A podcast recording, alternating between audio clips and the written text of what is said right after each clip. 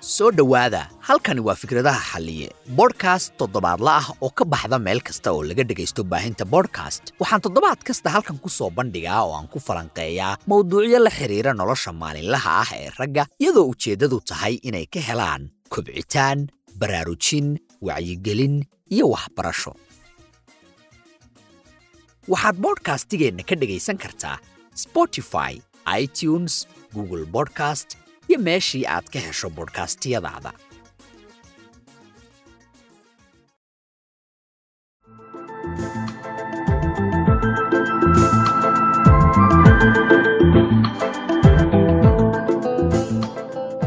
kulanti wacan dhammaantiin. Soo dhowaada. Halkani waa fikradaha xalliye waan ku faraxsannahay inaan meeshan ku midownay. Bah aan ku noqonnay rag haddaan nahay. Dhammaantiin waan idinka mahadcelinayaa mar labaad iyo mar saddexaad. Sida qiimaha leh ee aad u dhegaysataan bodhkastigan sida aad ugu taxan tihiin.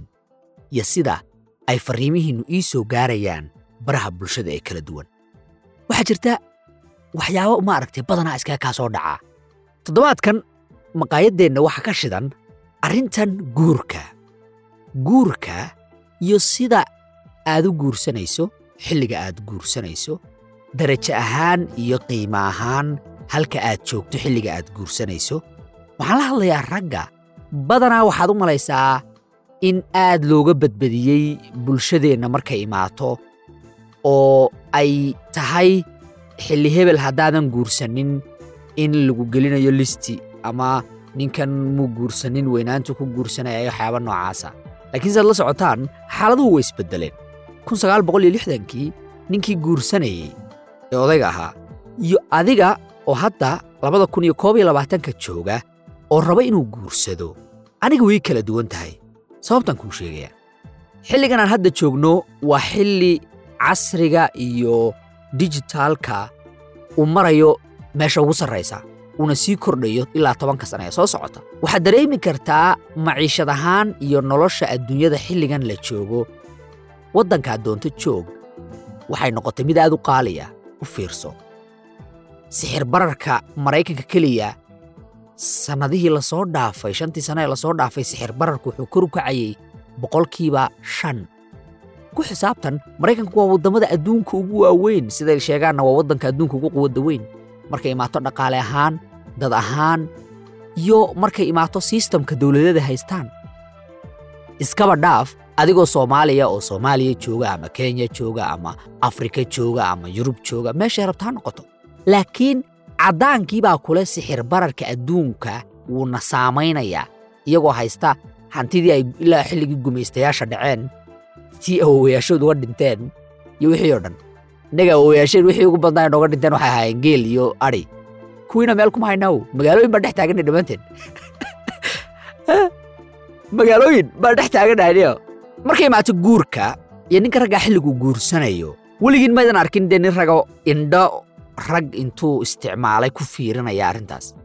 Badanaa waxaad aragtaan maamooyinkooda indhahaya waryaa xilligaaga baa la gaadhay. Maxaad la soo taagan tahay? Ii keen gabadh. Inaan ciyaalkaaga arkaan rabaa. Iyo wixii la mid a rag badan oo soomaaliyeedna oo dhallinyaro ana ama dee soddonkoodii afartankoodiiba ku jira waxaa geliyey bareeshar badan baa wuxuu geliyey maaragtay inay dhaqso guursadaan. Waad og tihiin aan hal mid isku raacno. Waad nala socotaan dhammaantiin in baryahan dambe inaad guursato ay la mid tahay inaad bisines furatoo kale. Rag badan baa dhahaya awow xalliya see camal de maxaad ka waddaa guurka ilaahay baa barakeeye ah ah ah ah dhegaysa dhegaysa awow anaa ku haye. Baryahan dambe saad ula socoto inaad guursato adiga nin ahaan oo aad xaas yeelato. Marka laga tago boqolkiiba hal dumarka hadda jooga ah waxaa ka raqiisan oo ka qiima yar marka la fiiriyo qarashka aad isticmaalayso inaad furato ganacsi. Maxaan sidaa u leeyahay? Baryahan dambe u fiirso guurka iyo sida life styleka gabdhaheenna ay rabaan fiirso. Sida ay rabaan inay u noolaadaan ninka ay rabaan sida uu eegyahay. Aan hal dhinac bal horta ka fiirino intaan meel dheer la aadinba. Haddii aad hadda dareemayso awow inaad guurka ka daahday anaa war fiican ku hayo. Guurkamaad daahin. Guurkamaad daahine ganacsi inaad furataa waxay ka raqiisan tahay oo ay ka fududdahay inaad gabadh guursatid xilligan la joogo. Rag badan oo soomaaliya iyagoo arrintaa ka cararayay waxay bilaabeen inay garoobyo guurstaan mogta nin kaloo ficiisu bilaabay inuu ciyaal u koriyo maadaama uusan awoodin dee maxaa la dhihi jiray gabdhahan yaryaree jooga meesha ee ciyaal la'aanta ah aan weli la guursanin. Inoo garoobyadu waxay leeyihiin mogtahay dhiilkaas waxba kaama rabo waan isguursanaynaa arrinta waan dhammaynaynaa xataa lacagta anaa kula bixinaya laakiin aakhirka ugu dambeeya dhiilkaa qofka ku khasaaraya nin ahaan. Ow adiga. Ee maamaaya waxaa ka mid ah. Ninka muu guursanine? Reer buu la degey reer buu la degey dee waa run. Afar canug naag wadataad guursatay adoo ka cararaya qarashka guurka oo isla niyow meeshan baa dee gaagaabaya aad hal iyo laba ka dhashid iyadana. Gal. Iyaduna maxay ku dhacday? Waxba kaama rabo. Ilaahay baa maaragtay na barakaynaya. Waa run. Ilaahay baa na barakaynaya. Laakiin dee dhaqaale adigu aad leedahay guriga laguma dhisinawo ragga qaar baan maxaa la dhihi jiray sheekooyinkooda markaan maqlo waxay ku seexdaan. Sariirihii raggii hore ay gadeen ay naagtan u gadeen ninkii naagtan fure ciyaalka ka dhalay sariirtii uu gaday ku seexdaan isaga iyo naagtan hadda isguursaday marka aad bayna u fool xun tahay wallahi beenkuuma sheegayo. Waana kaaj ama maxaa la dhihi jiray maxaa la dhihi jiray dabin. Waana dabin ay ku soo geliyaan ragga ku soo xerogeliyaan laakiin aakhirka ugu dambeeya waxaa waaye inaad canug aadan dhalin aabba dhahayso ilmo aadan dhalin aad korinayso iyadoo haddii rabto afar canugoo afar waddanoo kala duwan ka imaado afar nin ka dhashay wadatay waxay ku leedahay. Niyahow aan isku qabsanno waxba kaama rabo. Adiguna waxaad fiirinaysaa caqligaaga waxba kaama rabadaas. Iyo in dhiilku fiican yahay oo uu macaan yahay oo adiga qarash uu kaa baxaynin. Laakiin dhinaca kale markaan ka fiirino waxaad gelaysaa xabsiga adduunka ugu xun. Oo ah inaad koriso ciyaal dhalin. Dhaqaale ahaanna uma nasanaysid. Waayo naagtan ciyaal baa u jooga horta halkaa ka bilowno. Intaadan adigu xataa ciyaal ka dhalin naagtan ciyaalkeeda adaa biilaya taas waa qasab. Soomaali baana waan isnaqaanaa marka sababtaan u dhahay in baryahan aad guursato nin dhallinyaro ahaan waxaa ka fudud inaad ganacsi furato. Baan kugu soo laabanaya. U fiirso dhammaan nimanka ay gabdhuhu rabaan waa boqolkiiba toban ka mida nimanka soomaalida. Waayo gabdhaha soomaalida laga helaa naag raadinaysa nin soddon iyo shan sana jira oo lacag haysta oo taajira dee mana jiro. Aw mana jira deyaanan la isku ciyaarin. Gabadh kasta oo soomaaliya iyo reerkoodu waxay rajaynayaan inay helaan boqolkiiba toban ka mida ragga soomaalida. Boqolkiiba toban ragga soomaalida ka mid ah ayaa laga helaa maybii nin dhallinyaro ah oo lacag haysta. Maybii nin looga dhintay dhaxal. Nin maxaa la dhihi jiray kistiisa haysta oo isagu shaqaystay. Iyo wixii la mid ah. Boqolkiiba tobankaasna naagay qabaan obshannayna haystaan nolosha ah maadaama uu kistiisa wato. Weliba ninka ugu yar laga yaabo inuu laba naagood qabo. Rag badanoo dhallinyaraha waxay dareemayaan inay guurka ka daaheen niyahow saaxiibow baryaha maxaa la dhihi jiray? Saaxiibbaday baa guursaday hebel baa guursaday. Guurkiina dhallinyaradii hadda siday u eg yahay ama sida qurbaha laga dhigay ama sida afrika laga dhigay isku wada dar. Wuxuu noqday breshar la geliyo ragga oo hebel baa guursaday dartii baad u guursanaysaa. Laakiin adigu rabitaan aad adigu rabto umaadan guursanin sheekooyinka igu yaabka badan ee maaragtay guurka bareesharka dhallinyaradu ay la kulmayaan darteed haddaadan nin caqligiisu kala go'ay ahayn oo maskaxdiisu shaqaynayso oo aysan waxba ka gelin ciddoodu waxay ku fakarayso oo aysan waxba ka gelin waxa asxaabtiisu ku fakarayso oo aysan waxba ka gelin waxa bulshada ay korka iska yaqaanaan ay ku fakarayso. Haddii aadan naag qabin awow dee waa godkaad gelaysaa. Baxar baad ku jirtaa. Nin dhallinyaraha wuxuu igu dhahay wallahi wuxuu igu dhaartay. Aniga waxaan u guursaday hooyada inaan tusiyo inaan naag guursan karo iyo in dadku aysan idhihin hebel cidluu keligii degan yahay una fiirsa badana. Maamooyinka ino maamooyinkeenna laftirkooda waa dumar mogta soo caqliga ragga iyo iyagu say u shaqeeyaan waa kala duwan tahay. Maamooyinkeennu waxay rabaan baan u malaynayaa siday hadda dee ka dhigeen oo ay u taallaba dhallinyaro badan saameynaysana ninka dhallinyarada maalinku gurigooda ka tago meeshii uu intuu galo magaaladaas awow xariiftami lahaa new york ahaataya london ahaataya maxaa la dhihi jiray ii sheeg france ahaataya. Meeshay rabto noqoto uu ka qaraabto qurbahoo dhan dee adduunyadan dacaladeedoo dhan uu geli lahaa uu xariiftami lahaa oo uu isagu baran lahaa sida uu lacag u samaynayo oo uu isagu baran lahaa sida uu maxaa la dhihi jiray u noolaanayo oo uu isdhisi lahaa. Baa waxaaba ninkii madaxa loo gelinayaa gabadh. Meeqa nin baad aragto ku dhahaya aniga gabadh baa laygu dara meeqa nin baad aragto ku dhahaya hooyaday baa gabadhan ii soo doortay. Ma xumo hooyada inay kuu soo doorto. Laakiin miyay tahay xilligii saxda ahaa ee nin rag ahaan ama nin dhallinyaro ahaan aad inta guursato? Ciyaal daldali lahayd. Dhammaanteen hal siistan bay u wada nool yihiin dadka badankoodu. Una fiirso. Waxaad u guursatay hebel baa guursaday. Iyo dadku inay iga fakerin aniga inaan maxaa la dhihi jiray aan keligay meel deganahay xilligii aad adduunka u soo baxday ee aad adduunka adigu khibraddaada ka heli lahayd ee hooyaday baa ii sheegtay aabbahay baa ii sheegay iyo ayeeday baa biilkayga bixisa aan ahayn baa taagan tahay. Markaasaad madaxa la gashay reer inaad dhisato. Ma xuma reer inaad dhisataba. Maba xumaba ee laakiin dhibka sii jira wuxuu yahay awow naagahani lacag bay rabaan. Awow naagahani lacag bay rabaan. De waa sababtaan kuu leeyahay ganacsigaa wuxuu ka raqiisan yahay in la furto in naag la guursado maanta. Una fiirso waxaad arkaysaa nin dhallinyaro ah oo u guursaday hebel baa isna guursaday iyo hebel baa naag qaba iyo heblaayo way guursanaysaa. Warrag xataa waxaa jira rabadaanta maaragtay xilliga rabadaanta bay waxay u guursadaan. Bareesharka rabadaanta iskaabalo markaa tahay ee, haddaad hadda tahay iyo maaragtay ragga odayaasha ah ee ka baxa iyo waxaasoo dhan in rabadaanta looga baxo gabadh inay ku afuriso. Macnaha in inaagii ay cunto ku karayso ku afuriso waa life style baa lagu leeyahay. Waxaa lagu leeyahay rabadaanta ninkaan naagaysanin waa gubata eh? hambalyooyinka ugu badanna facebook aad ku arkaysaa. Ninkii odaygaha markuu saa u guursaday bareesharkaa dartiis waxaa dhacaysa inuu dareemayo inuu waxaan isagu dooranin inuu dareemayo inuu waxaan ku degdegay oo kale maxaana ka dhalanaya meeshaas? Furiin baa ka dhalanaya. Waayo furiinku hadda wuxuu marayaa dee boqolkiiba lixdan buu marayaa furiinku. Maxaana keenaya? Awow waa lagaa waalay. Waxaa lagu dhahay nin guurkii waad ka daahday soddon baad gaadhay. Waa sidan waa sidan waxbaa lagugu cabbay. Waad baxday qoftoobaad isku qabatay. Qoftii micnaha khaladka ahaydee aan sax ahayn qof aan adiga sax ku ahayn oo aan adiga kugu bannaanayn baad iska gashay. Waad gashay hal iyo labaad ka dhashay waa la furay qoftii waad u gembisay waad iska furtay waxaad ku dhahday niyo nugu kala wad aniga isma- fahmayno ama iskamaad furin noloshaada inta ka dhiman waxaad ku noolaanaysaa oo aad haddaba ku nooshahay bareeshar iyo streskii ugu dambeeyey iyo madax xanuun maalin kasta joogta ah qaylo maalin kasta joogta ah. Adigoo ka cararaya in lagu dhaho hebel waa iskaabulo baad inta oradaad naag isku qaaday. Markaasaad guursatay guurkaasna waxaa la imaanaya oo aad adigu nin ahaan mas'uul ka tahay waxyaaba badan maxaa ka mid a kow ciyaal baa ka mid a dee. Isla dadkii shalay aad ka baqaysay inay dhahaan hebel waa iskaabulo dee waxay dhahayaan hebel ciyaal ma haysta mogta ilaa adigu dadkaad u noolayde ciyaal baad dashay awow aadan diyaar u ahayn. Macnaha aadan diyaar u ahayn waxaan ka wadaa dhaqaale ahaan aadan hayn karin. Berriba waxaad maqlaysaa ninka odayga naagtiisiibaa cisbitaal ku jirto way dhalaysaayo? Lacag in layskugu dardaru rabaa waxaad maqlaysaa ninka odayga ahaa markuu guursaday muddo kadib awow ninka odayga ahaa naagtiisaa cisbitaal ku jirta waxaanan rabaa in wax loo aruuriyo maadaama qoftu cisbitaal ku jirtay dhalayso neu dhegayso? Nin raga oo nin ragoo kale naagtiisu inay dhalayso ka bixinaya ma jiree nin caqli aan iskula imaanno ragow.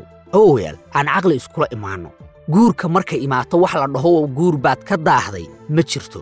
Ragga qaar ba waxaad arkaysaa hooyadood baa naag ku qasbaysa oo sanka ka gelinaysa iyadoo dhahaysa waryaha soddonkii baad dhaaftay maxaad qabanaysaa? Anigu saan aaminsanahay xushmad kasta iyo jacayl kasta iyo wanaag kasta hooyaday naga dhexeeya haddana markay imaato noloshayda goonnida ah ee aan anigu iska leeyahay xalliya ahaan. De waa inaan dhaho hooyo laakiin tananaa iskale de si caadiya oo aan ku jirin xushmad darro waalid caasinimo waxba aysan ku jirin. Hooyada waxaad leedahay anaa nin raga oo hadda weyn xilligaan guursanayo anaa go'aansanaya. Taasna waxay kuu noqonaysaa easy ama ay fududaynaysaa inaad ku noolaato nololaa adigu leedahay waxaad adigu samaysatay. Meeqa nin baan garanayaa oo ay hooyadood intay naag u raadisay naagtii lagu daray naagtii markuu toban beri qabay furay dee dee waxaan isagu muu dhisanine? Waxan adigu maad dhisanin waxan qancinta dadka kale iyo qancinta waalidkaagana waxaan u malaynayaa marka la isbarbar dhigo. Adigu waxaad dooranaysaa qancinta waalidka laakiin fiiri waalidkaabaa jooga meeshii bulshadii baa joogta. Hebel baa aroosay hebel maxaa lagu barbardhigayaa hebel maxaa lagu barbardhigayaa nin weyn baa tahay adaa go'aansanaya xilligaad aroosayso. Tan kale awow guurka hadda jooga waa guur qaaliya waay. Waa inaad dhaqaale ahaan diyaar u tahay awow dhaqaale ahaan waa inaad diyaar u tahay. Maxaan sidan kuu leeyahay? Dhaqaale ahaan waa inaad diyaar u tahay. Ninka ragga ah sosaayatiga ama bulshadeennu ama bulshooyinkoo dhanba nin raga haddaad tahay waxaa lagu qadariyaa oo lagu qiimeeyaa oo qiimihiisa lagu ogaadaa. Waxa uu haysto iyo meesha uu ka taagan yahay nolosha.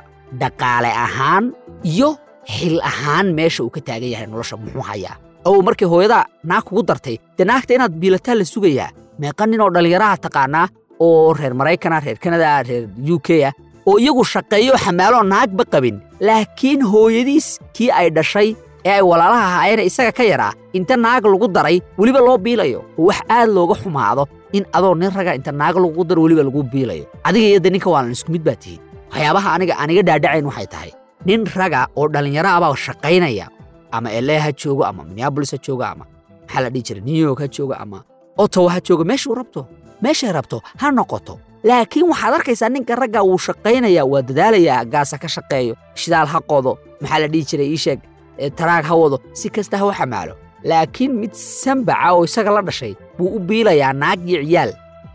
Ow maalinka ninka ragga ah uu barto naagta sida galma loola sameeyo meesha galmada laga sameeyo meesha ku taallo isla maalinkaasa waxaa la rabaa ninka ragga ah inuu galmadaa markuu sameeyo wixii uu cuni lahaana. Calooshiisa wuxuu gelin lahaana inuu da soo shaqaysto. Waayo naag baad cunaysaa ciyaal baad dalaysaa sanad kasta. Kadibna nin dhallinyaro ah oo adigoo kala ah dee walaalo aad ahaataan baa laguu qasbayaa inuu biil kuu soo diro oo adiga ku biilo. Waayahe ciyaalka de anigu kuma dhalinaysa ee camalow. Marka ow aan isla fahanno.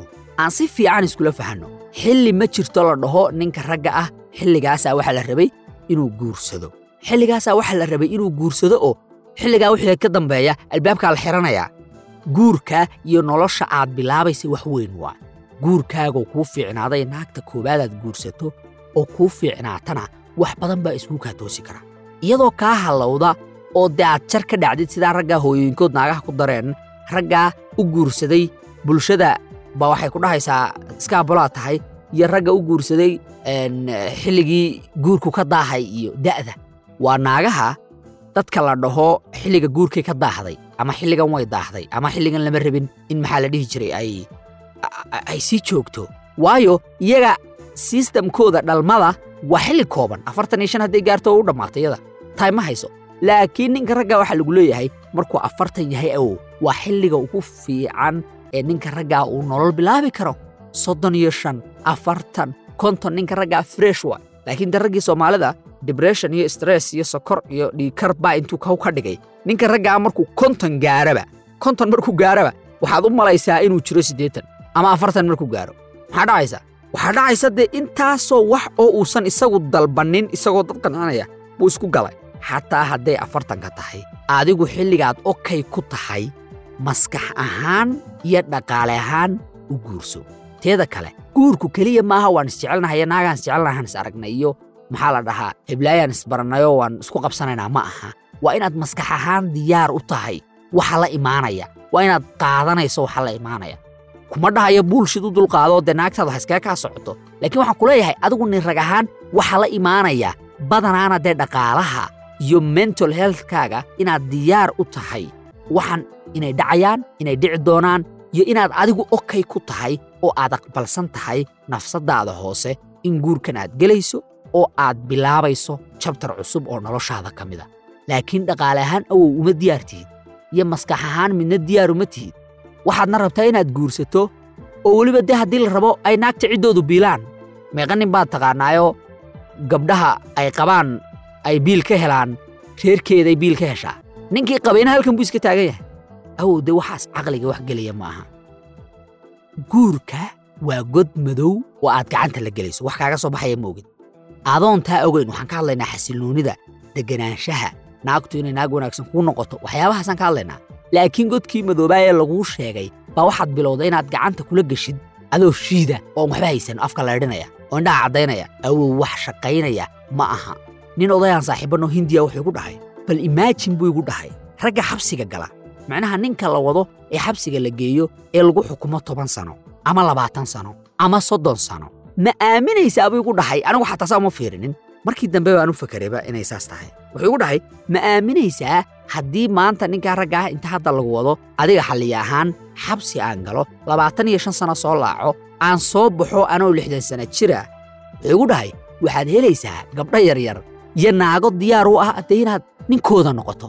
Ninka ragga ah waxaa lagu qiimeeyaa qiimaha lacagtiisa shaqadiisa iyo meesha uu uga jiro bulshada ninka ragga ah laguma qiimeeyo da'diisa inuu iskaabolo yahay xilliga uu guursan doono iyo inuusan weli guursanin. Iska jooji marka bareesharadan beenta ah ee maskaxda kaaga wada buuxa. Allah anigu soddon baan gaadhay hebel baa guursaday hebel isku fasal baan ahayn. Afar canug buu leeyahay. War anigu waxaan garanayaa raggaan isku fasal ahayn oo lix canug laniyow anigu ma noloshaydaan ku noolaadaa mise waxaan la tartamaa hebel oo lix canug la dee hebel isagaa lixdaa canug dhalay siduu u nool yahay iyo kabta uu xidhan yahayna adiga kuuma gelayso. Haddii aad bilowdo inaad gashato kabta xalliye dee u waad ku dhex dhacaysaa ama way kaa yaraanaysaa uma malaynayo inaad ku wareerayso sistamka hadda guurka jira. Guurka hadda jira iyo sistamka ay gabdhahan rabaan in loo guursado waa igadoo caadiya. Soo shaqayso awow. Adoo diyaar u ah inaad subermarketka gasho oo aad gadato iyaga u soo laabo markaasna waxaan kuu ballanqaadayaa waxaad gadan kartaa mid allaale middii aad adigu rabto. Waan isla ognahay niyow naagahani nolol ma rabaan. Naagaha hadda jooga badankoodu mid ilaahay u naxariistay dhowr ilaahay u naxariistay oo nolosha fahansan oo hooyo fiican ay dhashay maahane? Marka laga tago badankoodu waa mooryaan diyaar u ah inay ragga dhacaan niyo naag kasta oo hadda noolna waxay ku haminaysaa inay hesho oo ay la noolaato nin lacag leh haddaadan shilin haysanin cid ku rabta ma jirto. Shilin raadi soo shaqayso iska ilaali bareesharka badan iyo stresska badan iyo maxaa la dhihi jira naagahan madaxa kaa cunaya u gembi xariiftan markaas kadib aan naag ka wada hadalna awow. Meeqa lacaga oo aadan ka maarmin. Baad maanta guur gelin kartaa oo aad nolol ku bilaaban kartaa oo aad naag ku doonan kartaa. Dee ma jirto dhammaanteen biil baan u shaqaynaayo orod iyo carar iyo inta ka baxayo wax dir iyo reerkii wax sii iyo wixii la mid a weli awow diyaaru ma tihid guur. Tartiibtaada ha iska waalin. Bareesharna ha qaadanin oo bareeshar badan yaan lagu saarin markay imaato bulshada. Waxaan kuu rajaynayaa inaad wax badan ka faa'iiday ebisodkan ama xalqaddan haddii aad ku cusub tahay bodkastigeenna oo aad hadda ku soo biirtay oo aad dhegaystayaasheenna ka mid tahay laba xaniyoodlayaasha ah ee adduunweynaha meel kastaa laga dhegaystaa bodkastigan waad mahadsan tahay. Sabscribe samey follow samey waxay ku xiran tahay bodkastiga platformka aad ka dhegaysanayso dhammaan balatformyada waad ka heli kartaa fikradaha xalliye. Fikradaha xalliye waa bodkastiga magaceeda waad helaysaa. Inta aynu ku kulmayno xalqaddan tan xigta waa cabdisamad xalliye oo idinkaga tegaya sidaas iyo ammaano allah